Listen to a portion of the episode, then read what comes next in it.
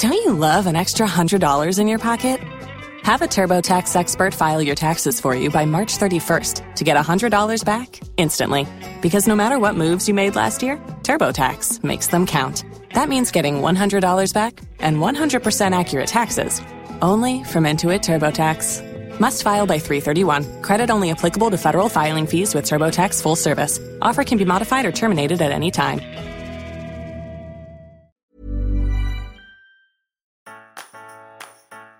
Du lyssnar på Ridsportpodden, en ny podcast från tidningen Ridsport. I den här podden träffar vi ryttarna som du vill lära känna på djupet. Värd för programmet är hästsportsjournalisten Andrea Berlin. Det är dags för ett nytt poddavsnitt där vi faktiskt ska fokusera på hur man skapar sig ett namn i ridsportsvärlden utan att alltid sitta till häst. Framför mig den här gången har jag den 21-åriga hästbloggaren Linn Olsson som har använt sin blogg under många år för att skriva om sitt hästliv. Hon gillar att debattera, synas utåt och skapa samarbeten. Ett jobb som har resulterat i att hennes läsare var med och nominerade henne till Årets inspiratör på Finders Awards tidigare i år. Jag tror att den här hästtjejen kan inspirera många av er också. Häng med in i vår studio här i Göteborg. Hej Linn! Välkommen till podden! Tack så mycket.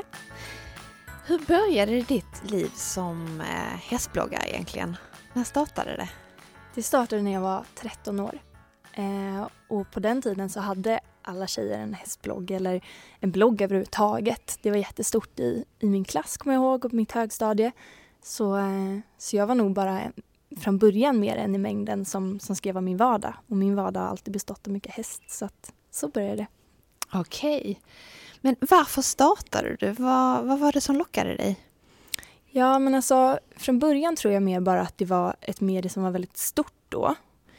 Men ganska snart så, så började jag själv följa de hästbloggarna som var stora på den tiden och, och såg de förmånerna de fick, vilket, vilket då var mycket gratisprodukter. Det var inte alls lika, inte i närheten av så stort som det är idag. Um, så, så jag blev ganska snabbt liksom sugen på att, att få den att växa. Mm.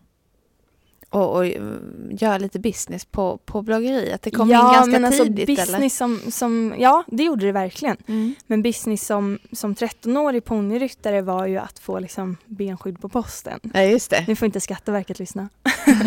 men, eh, men det var ju det man såg då och jag kommer ihåg att jag ganska snabbt eh, verkligen gjorde liksom min research. Alltså jag, jag hade ett litet anteckningsblock och jag läste alla, alla de större bloggarna. Och jag kommer ihåg att jag så här kollade vilken tid de la upp vilka inlägg. Jag minns att Blondinbella var supertydlig med att hon alltid skrev något så här lite kittlande och provocerande på eftermiddagen, alltid skrev väldigt personligt på morgonen. Och sånt där lade jag väldigt snabbt märke till. Och mm. det var ju för att jag, jag ville verkligen att det skulle växa. Liksom. Så jag tror att jag alltid har varit ganska eh, målmedveten med det. Ja. Men det lockade ändå dig det där med att få lite extra grejer och sådär till hästarna och det, handlar ju också om att få lite vinst utav det såklart. Ja men precis. Ja men det gjorde det verkligen. Ja. Eh, det, det var liksom från start hade jag nog ganska mycket mål med det tror jag. Ja, Spännande. Men hur har du gått tillväga då? Du började och startade upp en blogg och var var den då? Var en egen domän eller på, Nej, på en portal? Eller? då låg den på blogg.se som är en sån standardportal Ja. där alla kan gå in och registrera en blogg. Och eh, det var då jag också började då kolla på hur andra gjorde och försökte, försökte hitta min nisch men ändå följa liksom ett koncept som var fungerande för andra. Mm. Eh, och jag blev eh, kontaktad utav Social Media Lab och Horspot när jag gick i nian, jag var 15 år. Eh, och eh, blev då anställd bloggare när jag var 15. Mm. Och sen har det liksom rullat på på Mm. samma ställe efter det? Ja, jag ligger faktiskt fortfarande på Horspot. Ja. Och hur ser din bakgrund ut med hästarna egentligen? Hur mycket har du ridit och hur mycket har det kommit in på bloggen? Ja, skillnad från dina andra gäster så har ju jag, jag kommer liksom inte från någon eh, hästfamilj och har liksom inte elitsatsat från unga år så utan mina föräldrar köpte en hästgård när jag var tio för att de tyckte att det var liksom ett mysigt liv kan man väl säga. Och, och jag fick min första ponny då också. Um, har alltid varit väldigt genuint intresserad av hästar och älskat dem som djur tror jag. Mest mm. liksom. Eh, sen kom tävlingsbiten in och jag tävlade hoppning på ponny. Eh, med min D-ponny så, så tävlade jag en hel del. Var ute på mycket större tävlingar och eh, sen så, så har liksom bloggen växt ihop med det och jag har liksom hela tiden varit ganska personlig kan man väl säga så att om man ska säga att min blogg är en livsstilsblogg så är det ju ändå en hästblogg i den månen att, att min vardag och min livsstil är hästar och ridsport. Mm. Och har fortfarande alltid varit under tiden jag har bloggat. Just det. Men hur ser det ut idag med hästeriet? Eh, du har en häst, dressyrhäst. Mm, jag har en dressyrhäst, jag har sadlat om till äh. dressyrryttare. Eh, och jag har henne hos min tränare Christian Bengtsson. Och där står jag med ett sju dagars veckan koncept där jag får jättemycket träning och eh, ja, för att helt enkelt utvecklas så mycket som möjligt. Och eh, bredvid det så studerar jag heltid och jobbar med mina sociala medier. Um, så. så det blir nästan ett heltidsjobb om du knyter samman alltihopa? Ja, det kan man nog lugnt säga. Kanske ja. mer än det ibland. Ja. Och sen så såklart allt du gör i din vardag, då hamnar det på bloggen.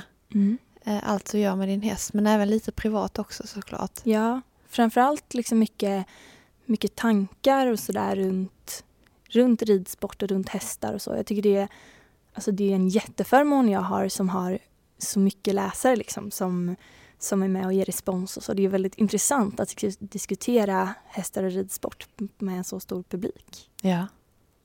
Men hur har bloggen utvecklats under åren?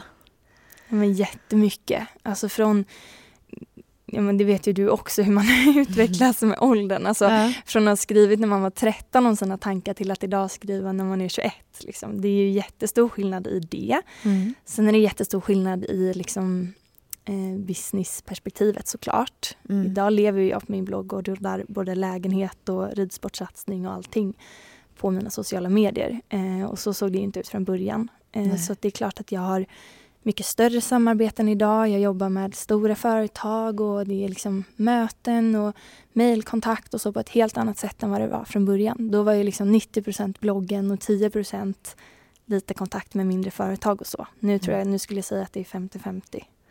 Men hur skiljer sig dina tankar idag jämfört med när du började? Tankar om bloggen? Och... Ja, om dina mål och liksom hur den utvecklas. Mm.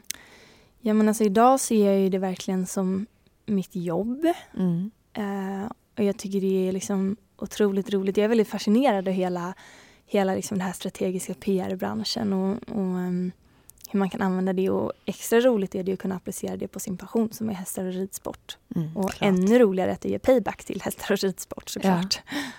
Eh, hur har du fått den levande och växa vidare och få de här besökarna att komma tillbaka till dig och vilja vara med hela tiden? Ja, alltså min blogg är ju faktiskt inte bara en stor hästblogg utan en stor blogg i Sverige. Den mm. ligger på 16 plats under företagsägda bloggar.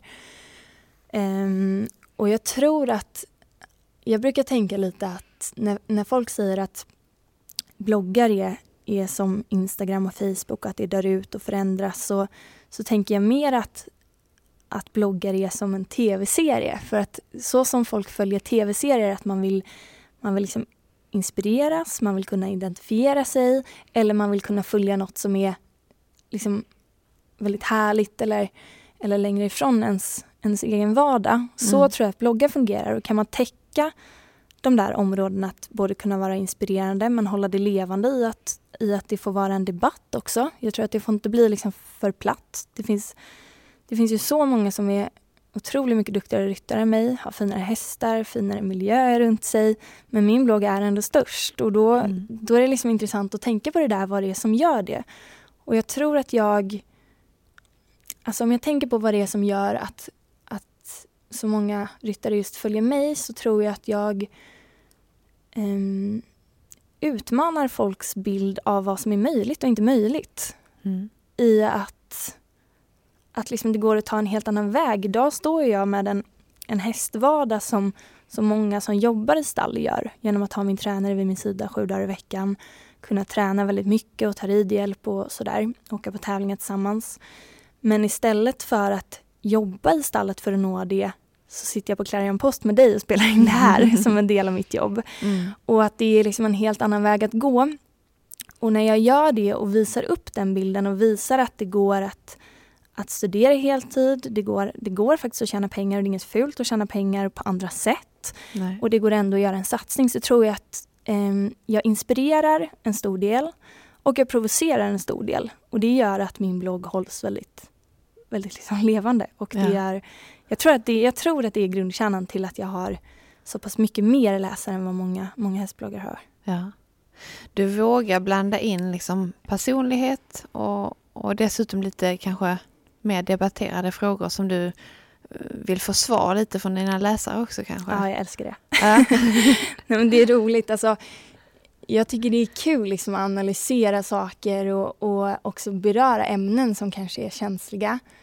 Eh, jag avskyr internetklimatet där tjejer hugger varandra i ryggen. Och det är liksom en, verkligen en fråga jag vill beröra mycket. Att vi, framförallt inom ridsporten som är väldigt kvinnodominerad i alla fall på hobbynivå. Liksom, sådär att man, att man ska liksom backa varandra och, och hålla varandra om ryggen på vägen mot varandras mål. Mm. Eh, och jag liksom har nog tagit mig an den frågan väldigt mycket och diskuterar det här med näthat och åsikter och väldigt mycket kopplat till ridsporten då. Det här mm. att vi, vi tjejer är så konkurrerande mot varandra istället för att liksom komplettera varandra. Ja.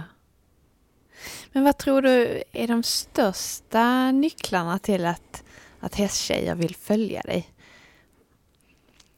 Eh, dels det jag berörde innan, eh, men kanske också att jag är egentligen... Eh, eller att jag, jag kommer liksom inte från någon hästfamilj. Jag har inte elitsatsat som, som ung. Jag har inte haft... Alltså det, det är så himla svårt att ens säga ordet förutsättningar i ridsporten där någon drömmer om att rida på ridskola en dag i veckan uh. och någon annan hellre hade velat ha hästen för 30 miljoner än den för 20. Men, men jag har inte inom situationstecken eh, de förutsättningarna som många andra som vill tävla och fortsätter rida och tävla även efter tonåren har haft. Um, och att jag då kan som ung liksom visa att, att jag kan rodda den satsningen själv. Att jag kan besluta mig för att nu vill jag rida dressyr, jag vill ha en fin dressyrhäst och jag, jag äger min dressyrhäst helt själv. Um, och att jag kan göra det och, uh, och rodda den satsningen tror jag är inspirerande. Mm. Vilket är det största värdet för dig med bloggen? Både som ryttare och som person? Um, det finns massa olika perspektiv på det som är väldigt värdefullt. Mm. Det är värdefullt att jag har en enorm kunskapsbank i mina läsare. Jag kan fråga dem väldigt mycket. Jag har liksom hur många andra kan ha ute så mycket hästmänniskor och ryttare. Um, har... Så de inspirerar dig lite också kan man säga då? Ja men självklart, mm. verkligen. Och jag får liksom respons på allt hela tiden. Det, det är såklart negativa delar med det också. Mm. Men, men mycket positivt. Och eh, jag tycker att jag själv, alltså jag har utvecklats otroligt mycket personligt och väldigt snabbt, både mentalt och, och sådär genom att dels då å ena sidan träffa mycket vuxna människor sen jag varit väldigt ung. Jag har mm. liksom fått sitta på möten och lyssna på, på företagsledare till högt uppsatta personer inom ridsport och elitryttare som har liksom gjort olika samarbeten med ja, men till att kunna tjäna pengar på det. Det är också ett jättevärde. Eh, jag har lärt mig jättemycket av att ta emot all den här responsen, se vad, vad människor reagerar på och sådär. Jag brukar säga att, att den här anonymiteten på nätet är ju någonstans en avklädd verklighet. Liksom. Mm. För det som sker där, det är ju inte så att verkligheten eller klassrummen eller ridskolorna är helt skyddade från det. Utan det är ju bara att det sker väldigt mycket mer rakt ut när man kan vara anonym. Och jag ja. tror att jag har lärt mig väldigt, väldigt, väldigt mycket av det. Mm. Har det någon gång känts jobbigt att dela med sig av det här, allt det här på Ja, på alltså det är klart att det har varit år där jag har fått träna mig till att veta vad jag ska dela med mig och inte dela med mig av. Mm. Och jag tror också att det är en helt annan situation att skriva så mycket som jag gör och dela med mig så mycket som jag gör av sin sport som dessutom involverar ett levande djur än att till exempel vara modebloggare eller blogga om jag vet inte, matlagning eller något annat.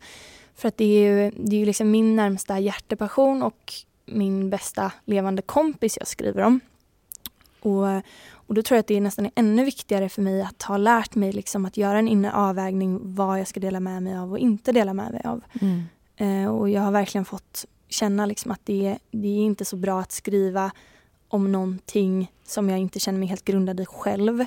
Som jag kanske vill förankra lite mer med min tränare eller veterinär eller mamma och pappa eller vem det nu kan vara. Ehm, och skriver jag då om det och får 80 kommentarer med väldigt spridda åsikter så kan ju det göra att man vacklar lite. Klart. Och gör man det då två dagar innan en tävling så kan det faktiskt påverka negativt. Mm. Så där har jag nog fått träna mig under åren och gjort massa misstag där jag har både liksom blivit ledsen och känt att det har varit liksom ja, men att det har kommit mig lite för mycket under skinnet kanske. Mm. Men idag känner jag att jag har en väldigt bra balans och koll på det. Mm. Vad skönt. Ja, väldigt.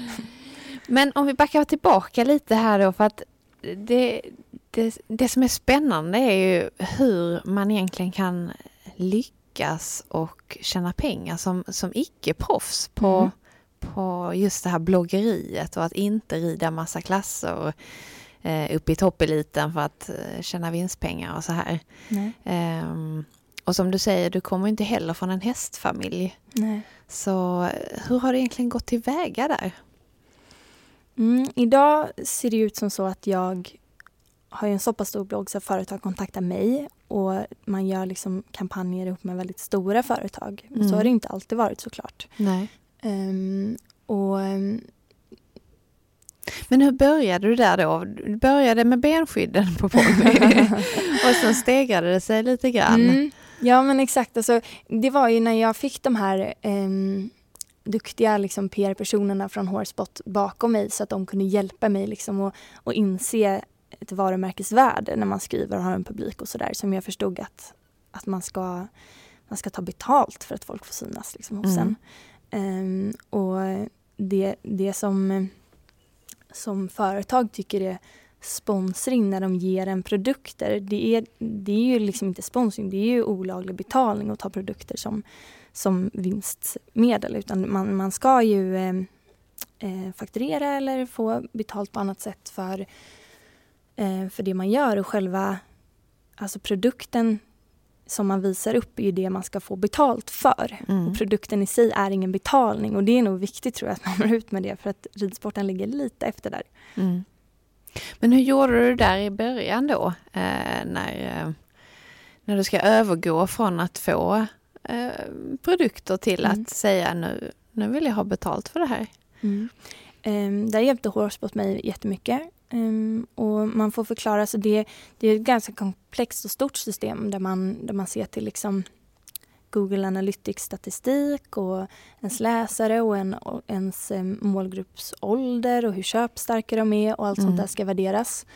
Och uh, sen så ska det skrivas avtal liksom som i vilken business som helst. Mm. Uh, där man reglerar vad som ska skrivas, hur det ska skrivas. Men sen är det också extremt viktigt när man är sitt eget varumärke att man, att man skriver om sånt man kan stå för. Liksom. Och att mm. man själv får utforma det på det sättet man vill även om grundkärnan som företaget vill att man ska nå ut med mm. nås ut liksom, på rätt sätt. Mm. Så eh, jag har alltid från kontaktat företag till att ha blivit kontaktad själv. Men hur var det i början? Var det, var det enkelt? Var det mycket positiv respons och att det liksom gick den vägen du ville? Eller fick du kämpa lite där i början? Eller? För det är just den där starten och tröskeln ofta mm. man ska komma över när man gör Men Jag någonting. tror för mig, jag var så himla ung när jag började tjäna pengar på min blogg så att då var liksom det som man idag kanske hade sett som litet var ju då väldigt stort. Mm. Eh, så jag tror att jag kände nog aldrig den där tunga tröskeln som man skulle över utan jag var nog väldigt tacksam för allt, allt liksom som kom in på det sättet och det kändes väldigt stort att kunna jobba med företag så. Och eh, sen hade jag liksom duktiga personer bakom mig hela tiden så att eh, jag tror att jag var kanske väldigt rätt tid också att börja. Det var inte så himla många hästbloggar då. Idag, idag är man ju mycket mer medveten om, man ser ju oss kunna leva på det och man vet att den vägen går att ta och då kan jag tänka mig att man upplever det som du beskriver lite starkare än vad jag gjorde kanske. Men du tror inte man behöver eh, rida på en speciell nivå eller mm, eh, ha speciella resultat eller någonting sånt här för att man ska kunna skapa ett samarbete? Nej, verkligen inte. Nej, det har inte med det att göra. Nej, Nej, då skulle inte jag suttit här. nej. Ja, men det är ju inspirerande ja, att höra. Ja, men nej, det tror jag absolut inte. Det beror ju såklart lite på vilken produkt som ska marknadsföras, men eh, nej. Men hur viktigt tror du det är idag att exponera sig i sociala medier som ryttare och driva hästblogg? Alltså jag tror att det är viktigt. Jag tror att det blir viktigare och viktigare. Jag tycker att det du gör med Ridsportpodden är jätteviktigt. Att, ja. Ryttare får komma fram och berätta sin historia. För någonstans så är ju alla som gör en satsning på något är ju inspiratörer. Och varför skriver Zlatan en självbiografi som säljer hur mycket som helst till folk som inte spelar fotboll för att de är inspirerade av hans satsning? Mm. När våra ryttare är i en ganska så stängd bransch. Det är inte mm. så många som liksom får vara bakom kulisserna och höra deras tankar och känslor och upplägg. Och, och jag tror att man kan inspireras alltså man, man kan nå en mycket större publik för hela sporten om, om ryttare får berätta om berätta, alltså höras och tala. Mm. För det är, det är superinspirerande att höra om all passion och alla satsningar. Men, men våra ryttare är lite gömda i stallet. Ja, och de kanske inte har tid heller, eller vad tror du? Nej, men nej. Och det där är ju alltid lite svårt. Men å andra sidan så har de ju tid att, att hålla väldigt mycket träningar och att rida på hästar. De kanske känner att de inte vill rida på för att tjäna sina pengar. Liksom. Mm. Och där kan man ju också omdirigera lite beroende på vad man har för intressen och vart man vill göra sina pengar. Och det är väl det jag tycker är viktigt att man lyfter fram att den enda vägen att gå är inte att åka liksom iväg och jobba i stall eller så utan man kan ju också jobba, jobba så som jag gör och nå väldigt mycket träningstimmar och så mm. också. Jag tycker att det, alltså, det är väldigt fint med den här ideella traditionen och grunden i ridsporten. Men, och den ska man bevara för att där finns det extremt mycket passion. Men jag tror att det, man ska inte vara rädd för det kommersiella heller. För det utvecklar sporten och det, det gör att den medieexponeras och, och det mm. gör också att individer medieexponeras och blir mer intressant för företag och, och media. Och det är mm. viktigt. Det är kanske synd egentligen att de där toppryttarna inte har tid att blogga. För då hade ja, det kanske man, man sett Tänk mer. Tänk vad intressant det hade varit. Ja. Mm. Vi har kanske kommit på ett, eh, ett nytt jobb för mm, eh, andra som ja. vill blogga, kan ja. blogga åt, åt de stora istället. Ja, precis. Skriva vad de gör. Ja, ja, men precis. Jag tycker att, ja men framför allt liksom att de, de ska tala med, men tror du verkligen bara att det har med tid att göra? Tror inte de, de inte riktigt vet vilket forum de ska använda sig av också. Jag tänker de äldre toppryttarna som inte är uppväxta med sociala medier. Du jo, hjälper ju dem att tala. Uh. Men du är också den enda som gör det, för de har inte jättemycket tv-tid. De sitter inte i morgonsofforna som artisterna Nej. gör. Och, och, vilket forum ska de gå ut och berätta om sin resa i om ingen, om ingen erbjuder dem att göra det? Nej. Nej, och det är väl samma där med de lite yngre tjejerna som kanske inspireras av dig och mm. vill starta en blogg. Att man, man vet inte riktigt hur man ska gå tillväga. Nej. Det är sin sak att sätta sig ner och skriva och fotografera. Men just att komma i kontakt med företag och kanske få in lite pengar därifrån också. Mm. Det är svårt. Ja. Och sen, alltså det lite kluriga med sociala medier är ju att det jobbiga är ju inte att blogga när du har stora samarbeten och tjänar pengar på det. Utan det jobbiga är ju att du måste blogga som om du hade det innan du har det. Det går liksom inte att uppdatera en gång i veckan och tro att man kommer börja tjäna pengar och då kan börja uppdatera varje dag. Ja, du måste ju verkligen satsa från start. Eh, men jag, eh, jag kan verkligen tipsa om att, att studera och iaktta. För att det är nog mm. väldigt mycket mer baktanke bakom ja. de stora bloggarna än vad många tror. Um, så ja. gå in och titta även på, på bloggare som kanske inte håller på med ridsport. Mm, för det är ju samma koncept Verkligen. och samma de driver företag på samma ja. sätt. Ja. Vad har varit dina knep då för att eh, locka in företag hos dig? Ja, så det är jätteviktigt att värna om sitt varumärke såklart. Mm. Um, och jag är väldigt glad och stolt över det, det som jag har skapat där. Um, och att många av mina läsare går in på min blogg för att få inspiration och det är också väldigt fint att kunna visa till företagen att det är det många går in och läser för. Samtidigt är det väl viktigt också att kunna känna att det här företaget, det är jag. Mm. Och liksom att man gillar det Ja, som man jobbar med Ja, också. Och det tror jag att man ska värna om även om man inte får tio förfrågningar. Mm. Utan faktiskt våga säga nej till sånt som inte känns som en själv. Det tror jag är jätteviktigt för ens Mm. läsare. Jag är jättenoggrann med det i alla fall. Att, att det verkligen ska vara sånt jag gillar själv och säger ofta till om, om det är något jag inte vill marknadsföra så säger jag det. Liksom. Mm. De företagen som du jobbar med, är det alltid hästknutna företag om man ska kalla det? Eller är det företag som är utanför hästbranschen också? Det är också utanför hästbranschen. Det är det? Det är Mm. det. Och hur vill de synas i ridsportsmedia då? Ja, alltså, vi hade ett roligt exempel på det. Ett sminkföretag som valde att göra en satsning inför Falsterbo där de skulle ha en monter. Där de gjorde en satsning med mig och en annan bloggerska eh, om hållbart smink som, som är liksom bra för huden och sådär även om man tränar och har ridhjälm på sig och typ så. Så de ville liksom nå hästtjejer i att visa att de hade bra, bra sminkprodukter även för stallet och att man, ja, man blir skitig liksom och har hjälm och Mm. grejer på sig. Och då eh, gjorde vi tidningsreportage där vi visade olika tävlingssminkningar och så. Så att de riktar sig mot ridsport men, men är liksom ett renodlat sminkföretag. Ja. Så det går att vinkla på olika sätt. Ja, just det. Så då ska man inte vara feg för att samarbeta med, med företag som inte bara håller Nej, på med hästar? nej det alltså. tror jag inte. Nej. Det går att bredda mer än så. Men har du råkat ut för någonting med bloggen som egentligen varit negativt för dig som ryttare? Um, och som person såklart. Mm.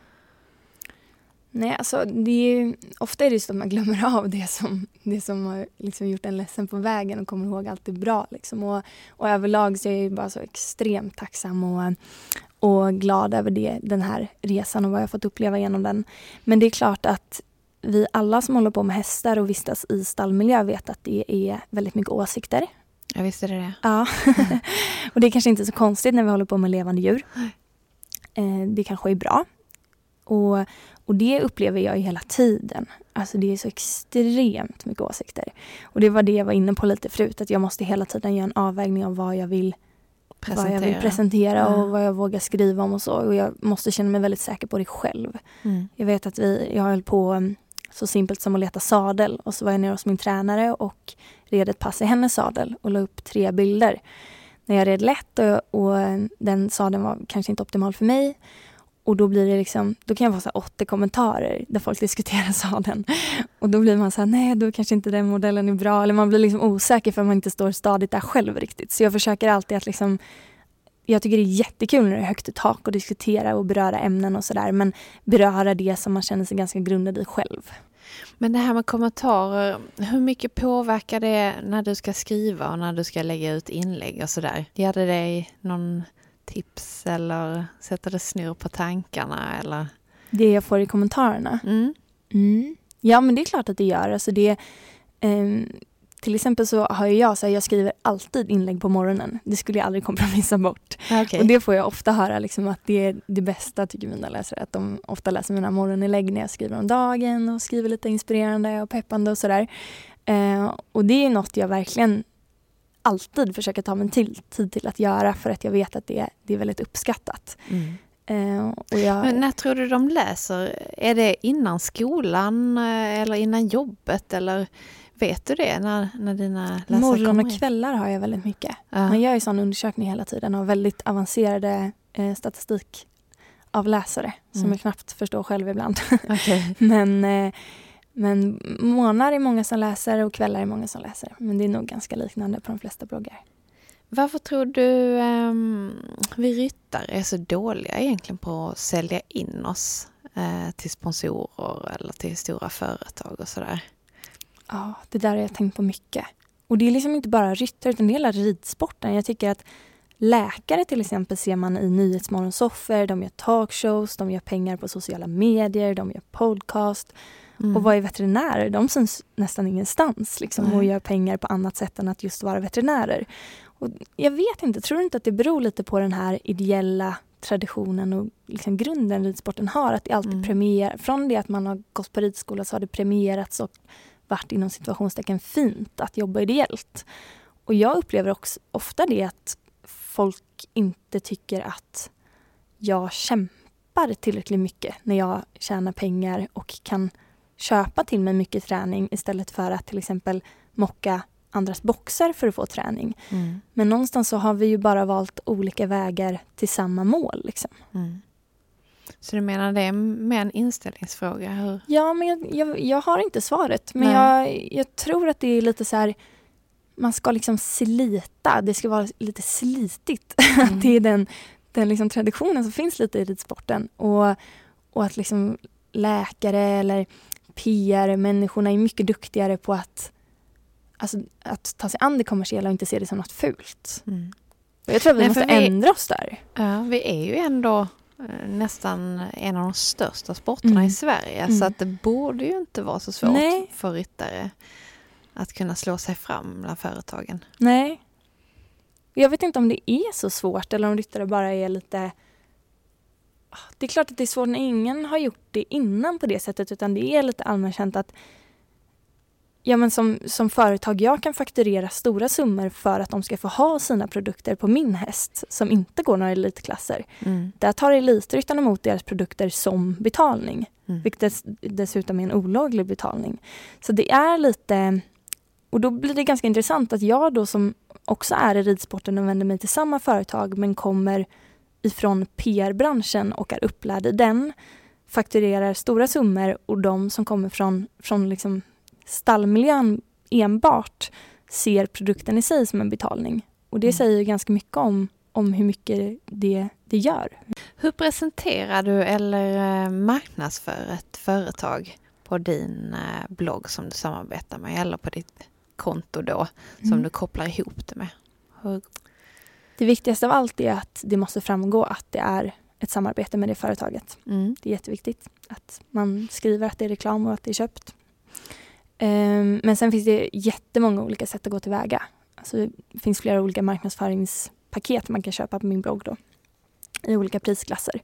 Beroende, och det liksom värderas efter vilka datum man vill lägga upp sina inlägg. Och ehm, hur många inlägg, hur många länkar, om jag ska ta bilder själv, hur mycket det ska sammankopplas med mitt varumärke och sådär. Mm. Så det, det kan man välja som företag hur stor man vill bli liksom på din blogg? Mm. Okej.